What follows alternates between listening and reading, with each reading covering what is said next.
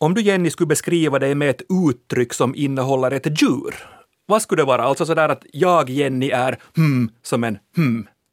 Men när jag nu sitter här med mina flottiga brillor kan jag konstatera att jag är närsynt som en mullvad. Men jag kan också säga att under våren har jag varit en riktig arbetsmyra och ser fram emot att bli en riktig latmask om några veckor. Hur är det med dig? Ja, jag hör att det här kommer att bli bra. Jag blir glad som en lärka av att få sitta här med dig och jag ser fram emot att få snoka i det här fenomenet med dig idag. Favorit.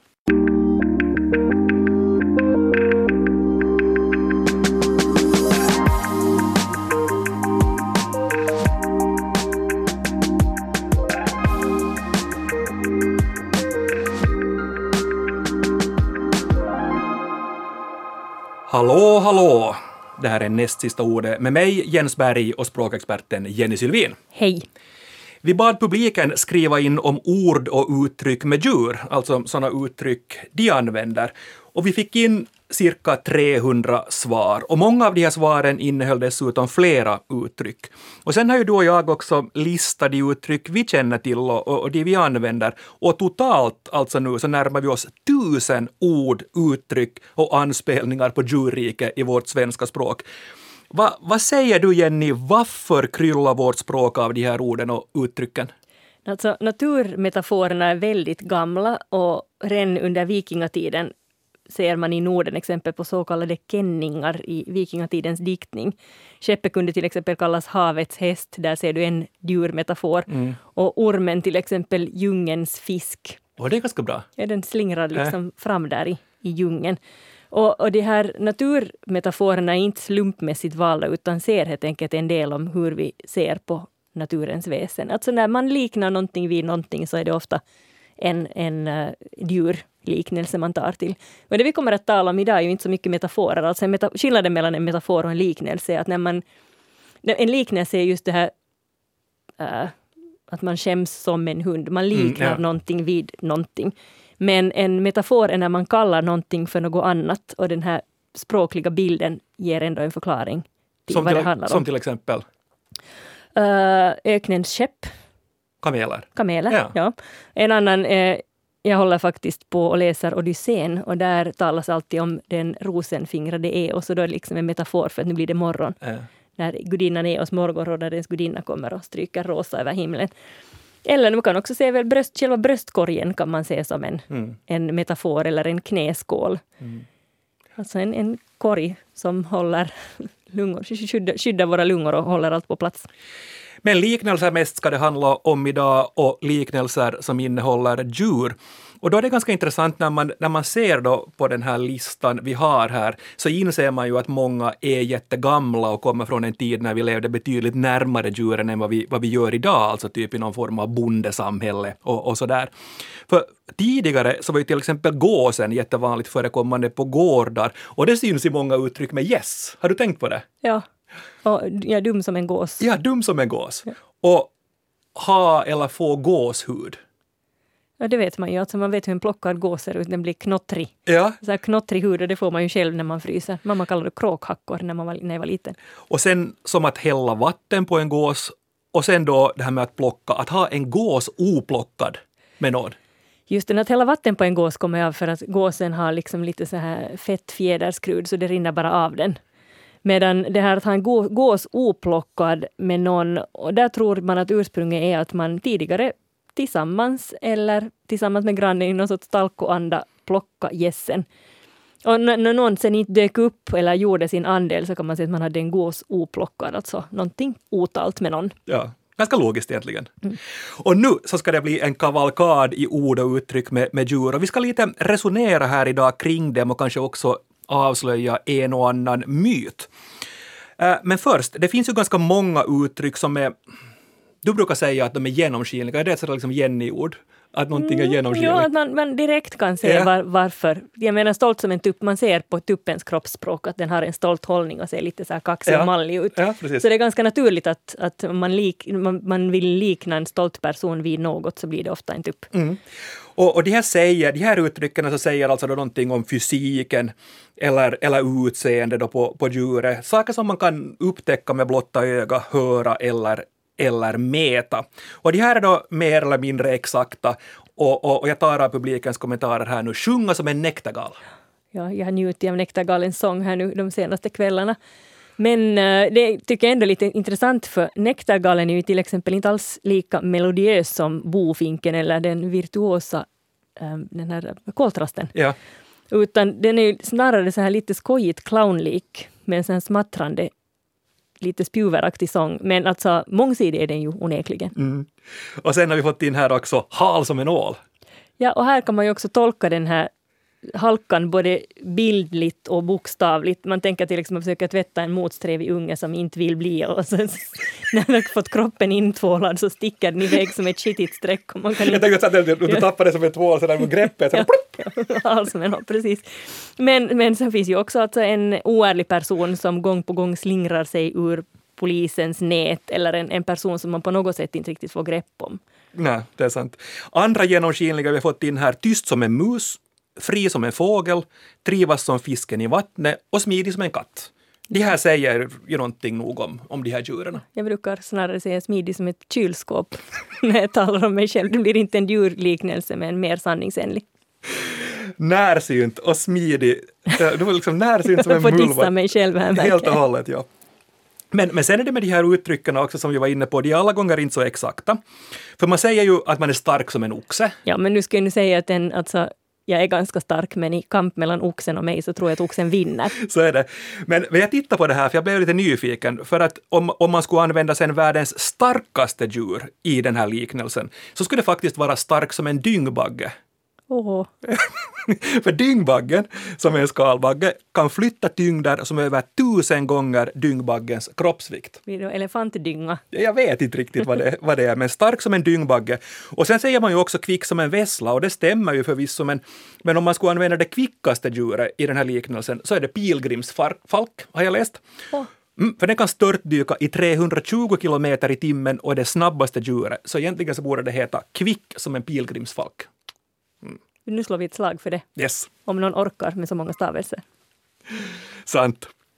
Men många är gamla, vad det var vi inne på. Mhm. Syndabocken.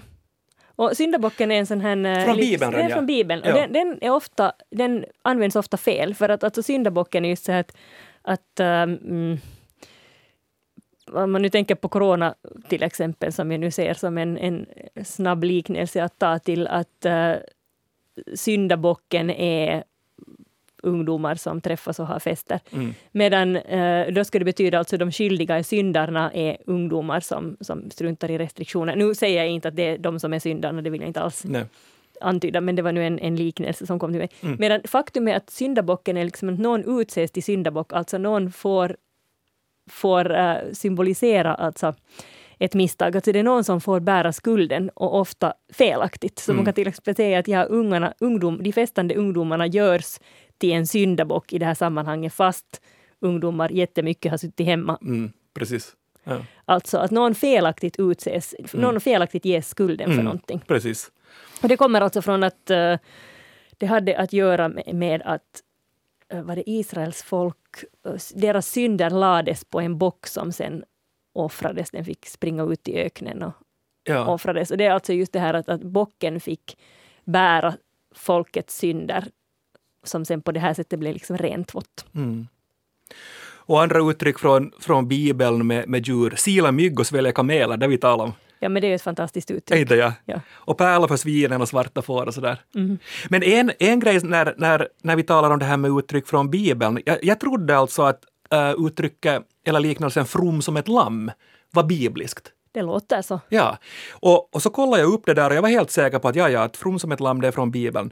Men, men då kom jag till Svenska Akademins ordbok och, och, och de spårade liknelsen eller uttrycket till Gustav Frödings penna. Han var ju nog en mäktig språkbrukare på sin tid. Alltså minsann ja.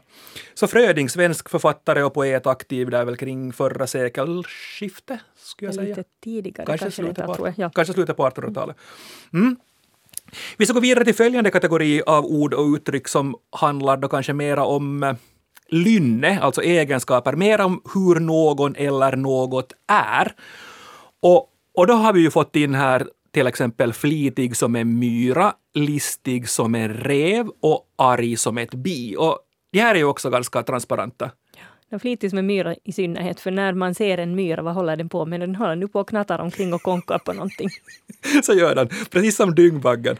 Men, men sen har vi en del ord och uttryck som behöver en förklaring. Och, och vi har fått in här också, varför säger man fattig som en kyrkråtta?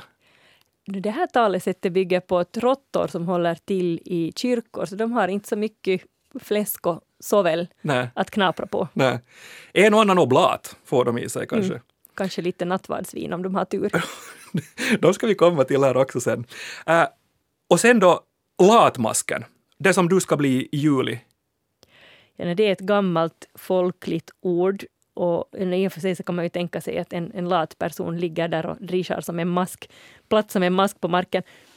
Som, tänk dig Mårten Gås i, Ja, Kalle Anka. Men man ansåg också att vissa människor alltså hade angripits av en parasit, en mask, Äh? som gjorde dem lata och flegmatiska. Ja, exa- exakt ja.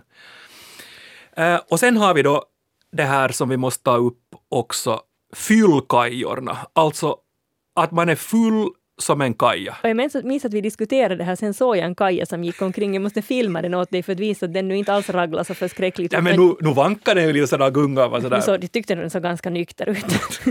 Klar i sitt, sitt silveröga. Ja. Men alltså Bellman skrev i slutet på 1700-talet om backikajor. Mm. Och, och sen finns det på danskan ett uttryck full som en alik. Alltså Mm. en alika en kaja. Och, men det sägs att det här uttrycket kan komma sig att det var liksom lätt att lura i dem sprit om man hällde bröd i dem. Det lär vara ett sånt folknöje att man matade mata, uh, kajorna med brännvinsindränkt sprit och sen fick se dem ragla omkring. Ja. Sen kan man säga full som en anka, det kan sen komma från det här full som en alika. Ja. Nej, men, men, men, men säkert, säkert just sådär när man, när man spårar Bellman här dessutom också, du nämner, nämner honom och Backikajorna, så, så man ska kanske inte testa det här med att dränka bröd i brännvin och ge då till, till, till kajorna för att testa det. Men, men, men när man talar om Bellman så, så det skulle inte förvåna mig om, om Gänge och Schacke i Fredmans epistlar har testat det här. Men det fanns liksom inte Netflix på den tiden. Grälmakan Löfberg, eller Grälmakan Löfberg och Movits och vad de hette alla. Sen måste vi säga någonting om finkarna också. Det har vi fått in frågor om också. Att varför, varför har vi smilfinkar? Varför har vi dårfinkar? Det kommer från tyskans fink som då betyder flickjägare eller en, en lustig, livfull typ, en glad fyr. Och sen danskans finke som betyder moraliskt usel person. Och här, den här vägen har de sen Ja. kommit in. En smilfink då är alltså en person som eh, så här ögontjänande som smilar upp sig och lite, i lite bedrägliga syften. Försöker ge intryck av att vara hygglig Mm. men är sen lite falsk. Dårfinken tycker jag är ganska rolig. Ja, det, det, det är sant ja. Men, men, men sådär rent språkligt så är ju alltså då inte dårfinken och smilfinken släkt med bofinken. Äh, nej. Och sen ordet finka. Men jag har för- hellre att göra med dårfinkar än smilfinkar. Ja, kanske det. och sen ordet finka då för polisarrest, så det tog det ha samma ursprung, alltså om moraliskt usla personer som hamnade i finkeburen. Det är ganska trevligt. Är det inte så? Ja? Jag ska börja använda det. Det ska jag också. Sen finns det en massa ord och uttryck som, som har sådana anspelningar då på, på djurrike. Och, och de här har vi fått in också en, en, en, hel, en hel lång lista på. Att någon älgar iväg, att Ja, någon... det ser man ju, att man liksom kliver med långa steg Mm. på långa ben. Exakt, och sen att de slingrar sig. Slingrar Mm. sig som en orm. Och som en ål, hals Mm. som en ål. Och sen att du har fjärilar i magen. No, det känns ju som ett fladder om man är lite orolig. Eller har diarré.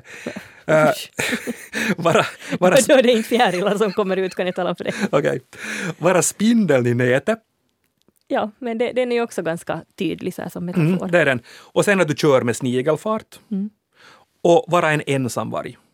Det är intressant för både människan och vargen är ju egentligen ett flockdjur, så den här ensamvargen, den här udda, ensamma typen, ses som en lite udda typ. Men också i den här kategorin, alltså av djuranspelningar, så finns det några som, som behöver kanske en förklaring. Tidningsanka om en falsk eller påhittad nyhet. Varför säger vi tidningsanka? Tidningsankan är alltså inte då Kalle Anka utan, utan alltså som sagt är en falsk eller påhittad eller, eller ja, av misstag spridd falsk nyhet. Och det här ordet har funnits i svenskan från 1800-talet men finns också till exempel i Tyskland som har Zeitungsende och danskans Avisend. Och det finns olika förklaringar. En är folketymologisk och handlar alltså om att det kom från tyskans legende, legend som sen blev lygente, alltså lögnanka. Ja, precis. Ja. i, i förvrängning. Men sen finns det också på franska ett uttryck, donner de canard, som betyder ge ankor. Och det betyder alltså svindlerier och lurendrejeri i största allmänhet. Sen kan det också hända, det, det, lär, alltså det här kan också hända att det här är en legend och en tidningsanka i sig, men, men det, en förklaring kan vara att det fanns alltså en uppdiktad tidningsartikel som handlade om ankor. Om att de var glupska och kunde äta upp varandra om de är hungriga. Och då kunde man då liksom säga att det här sen fick ge ursprung till ordet tidningsanka, men jag, jag vet inte Nej, om det exakt. stämmer. Ankor, finkar och kajor i all ära, men det är framförallt tre djur som figurerar i svenska ord och uttryck. Och du kan säkert gissa, alltså du, du Jenny och alla ni som lyssnar, gissa vilka, vilka de, här, de här är. Nej, jag kan inte på rak men jag tänker att hästen är med där. Hästen är absolut med. Ja. ja. Jag, jag, ska ta de här, för att jag, jag, jag alltså, det här är då inte vetenskapligt, utan det här är en sammanställning av de publikkommentarer vi har fått in och sen de listor äh, som, som jag har hittat på diverse olika ställen sen när jag har fyllt på. Och nu blir det då prisutdelning. Och på tredje plats över populära djur i svenska ord och uttryck så hittar vi kossan. Mu. Lugn som en ko, kolugn. Ja. Fast jag har sett emellan att någon har stavat det kolugn, mm. alltså C-O-O-L-lugn. Ja, det passar ju också. Ja, men jag tror att det är bara folk som har uppfattat uttrycket fel. Bliga som en ko eller blänga som en ko, det kan man ju förstå. Mm. Ingen ko på isen. Ja, det här diskuterar vi. Ja. Att ingen ko på isen betyder det är liksom inte farligt ännu. Så länge, alltså, ingen ko på isen så länge rumpan är i land. Sant. Och finlandssvenska då från finskans egen ko i dike. Kofångare, och sen har vi här någon som har skrivit in också, jag hade inte hört den här, men den här är jättebra. Man är lika vigulant som en ko i vindstrappan. Ja, ja eller som ett kylskåp. eller ett telefonkiosk. Men, men har du hört den där, lika vigulant som en ko i vindstrappan? Nej, men det är ju onekligen, jag menar försök till exempel svänga den där. Ja. Det går ju inte. Nej. Kovändning kan bli svårt. Sant. Och på andra plats hittar vi hästen! Ja, ja, det var ju ungefär som jag visste. Mm. Äta som en häst tänkte jag och, och en, liksom arbeta som en häst, en, en häst ja, ja. arbetshäst. Ja. Och ha minne som en häst. Ja. Ljuga som en häst travar. Alltså, ha minne som en elefant tycker jag mera, men nu kan ja. det ju hända att man har minne som en häst. Visst, visst. Ljuga som en häst travar. Den tycker jag om. Jag också.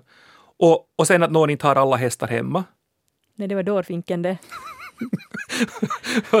och sen sätta sig på sina höga hästar. Ja, jag tänker just att vem har en hög häst när det är en sån här förnäm person som sen sitter där och tronar, sätter sig över alla andra. Jag tycker det är ganska beskrivande. Och sen då hästsvansen och att någon är en svart häst. Ja. Mm. Och sen då, guld.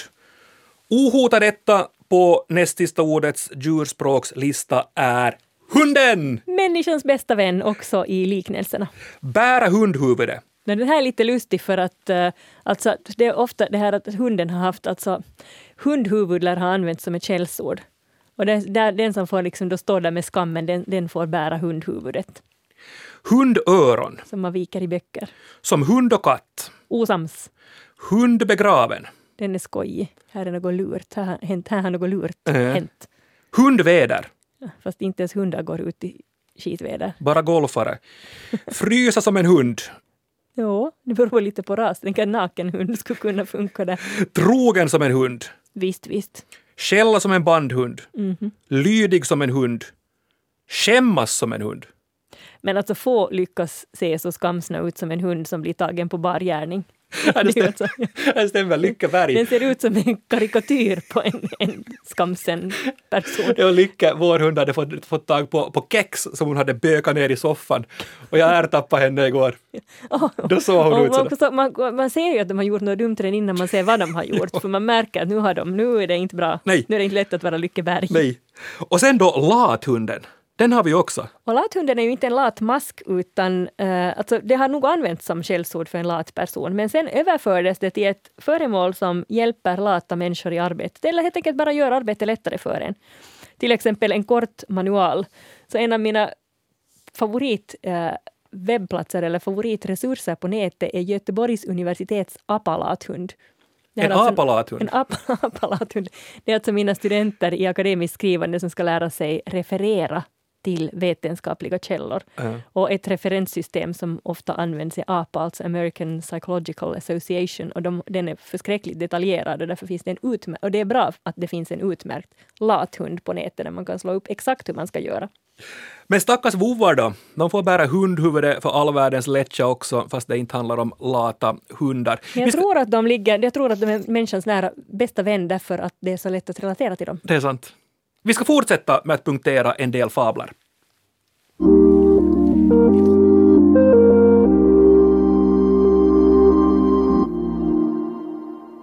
En lat hund är alltså inte en lat hund och en tidningsanka har inte någonting att göra med fågeln och vi ska nu syna några andra tvivelaktiga uttryck som publiken har sänt in här. Minne som en guldfisk. Forskare som har undersökt guldfiskar har punkterat det här tycker att det är en myt. Man har till exempel testat det med labyrinter som de visst kan lära sig att leta sig igenom. Och, och det, här, det här uttrycket har i sin grund i att man tror att guldfiskar bara har ett tre sekunder långt minne, så har man dem i en liten enkel guldfiskskål så kan de simma till ena änden. Oj, här har jag aldrig varit förut. Och så simmar de typ, oj, titta här har jag inte heller varit. men, så att, men de lär kunna minnas saker i upp till tre månader, så de har minst lika bra minne som jag. Fast bättre syn och är smidigare.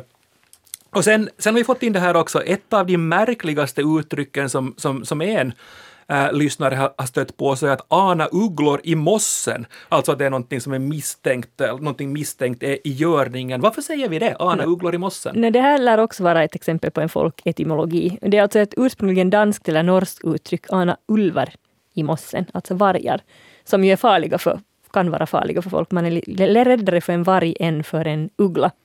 Men sen har det blivit ugglor i mossen helt enkelt därför att de låter, alltså orden låter lika varandra. Helt klart mer logiskt nog att vara rädd för, för vargen.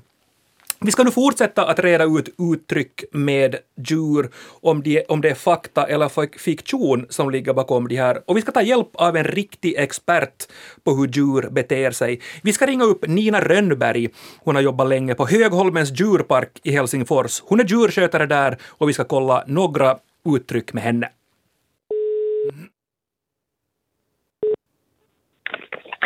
Nina Rönnberg. Hallå Nina, det är Jens Berg som ringer från näst sista ordet här. Hej.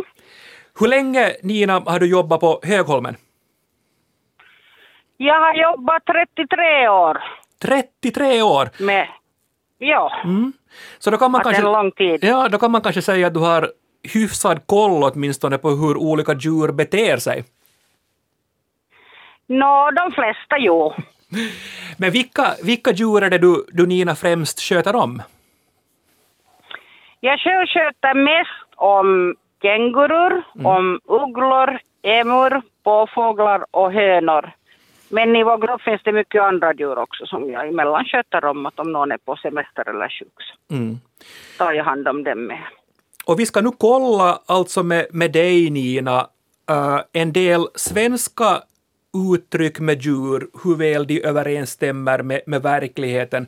Och vi börjar då med, med några av de här djuren du, du sköter om. Man säger äh, på svenska då klok som en uggla. Stämmer det? Alltså är, är de där ugglorna dina kloka?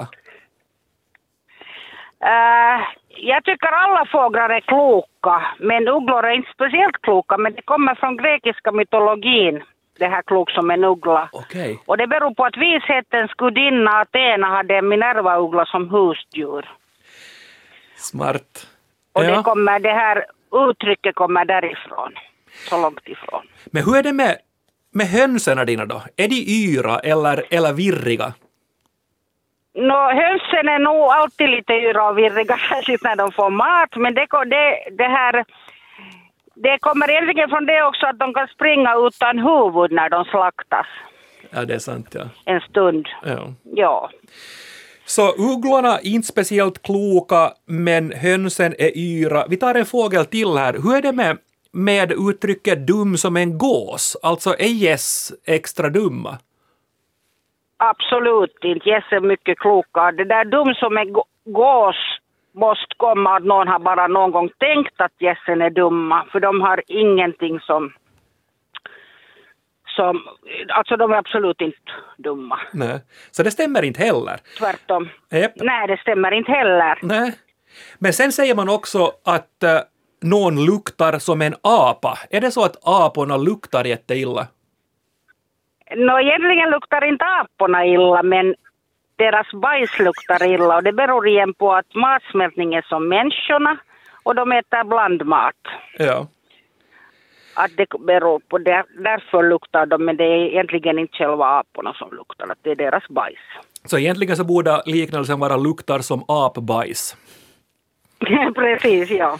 Det skulle passa bättre. Men hur är det med, med åsnorna då? Man säger att någon är envis som en åsna. Är de jätteenvisa de där åsnorna ni har där? Åsnorna är jätteenvisa. De vill aldrig göra som man vill. Att det, det stämmer det uttrycket nog. De är, man, ni kommer kanske ihåg det när en sån karikatyr där en åsna går bakom en morot. Man har en morot i metspö för att få den gå framåt. Och Ja. det stämmer nog lite med dem att de är verkligen envisa. Ganska bra där. Äh, Du sa, Nina, också att du sköter om kängurur. Och mig veterligen så Ja. finns det inga svenska uttryck om en känguru.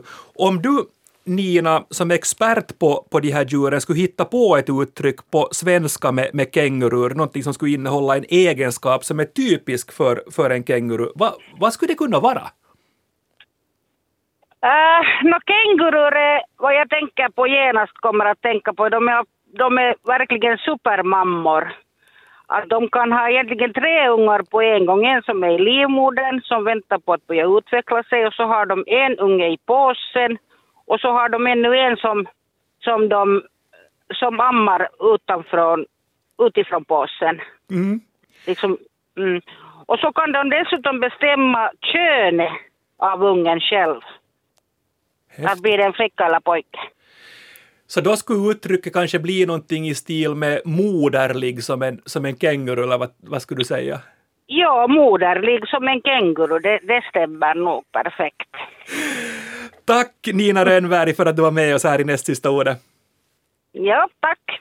Där fick vi ett nytt uttryck. Moderlig som en känguru. Mm, det var jättefint. Och, men det finns ju ganska få nyare uttryck med, med djur egentligen, eller kommer du på något? Jag tycker den här gnun har börjat dyka upp. Man kan, jag är trött som en gnu och har jobbat som en gnu.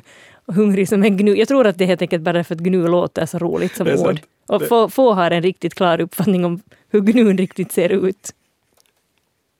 Ja, det är sant. Men, men göra en pudel, det finns ju. Och det är ganska nytt. Det, det här är en pudel, man tänker sig att någon, någon har gjort bort sig, du vet det här känns som en hund, att göra en pudel, att man lägger sig helt platt, blottar strupen och konstaterar att jag, jag gjorde fel, anfall mig om ni vill. För att just det att man lägger sig platt gör att folks lust att anfalla en lite avtar. Jag tänkte att vi avslutningsvis här, Jenny, skulle bidra till det svenska språket och hitta på några nya uttryck med två ganska omtalade djur nu. I Finland, i svensk Finland, två djur som mig veterligen helt saknar uttryck, stackarna. Och det första är fästingen. Jag tror, att aldrig, jag tror aldrig någon har använt ordet stackare och fästing i samma rad. Men, men, men, om vi ska ha en liknelse med fästingen, då, vad skulle det kunna vara? Efterhängseln som en fästing. Efterhängseln som en fästing. Det är ganska bra. Hur är det med kåt som en fästing då? Jag har nog faktiskt någon gång plockat, trott att jag har plockat en fästing av någon och sen har det varit två som har hållit på. Som har hållit på. Och den andra är, är då skarven. Va, vad skulle vara lämpligt för skarven? Ni har ju sett hur det ser ut där de bor. Snuskig som en skarv. Ja. Inkontinent som en skarv. Eller glupsk som en skarv. De har ju kunnat äta tomt i alla vikar. Sant. Skitnödig som en skarv. Eller populär som en skarv. Ja, fast nu är det ironisk. Ja. Mm. Graciös som ett kylskåp, Jenny Sylvin. Ja. Och närsynt som en mullvad. Finkänslig som en köttyxa. Tack hörni för alla kommentarer om djurord och uttryck. Fortsätt gärna att skriva till oss på nastsistaordet yle.fi. Och ställ oss gärna frågor om ord och uttryck. Vi kommer att ha ett frågeavsnitt till, så skicka gärna in dina språkrelaterade frågor till oss. Vi försöker reda ut din fråga. Men nu för den här veckan säger Jenny och Jens morgens! Morgens!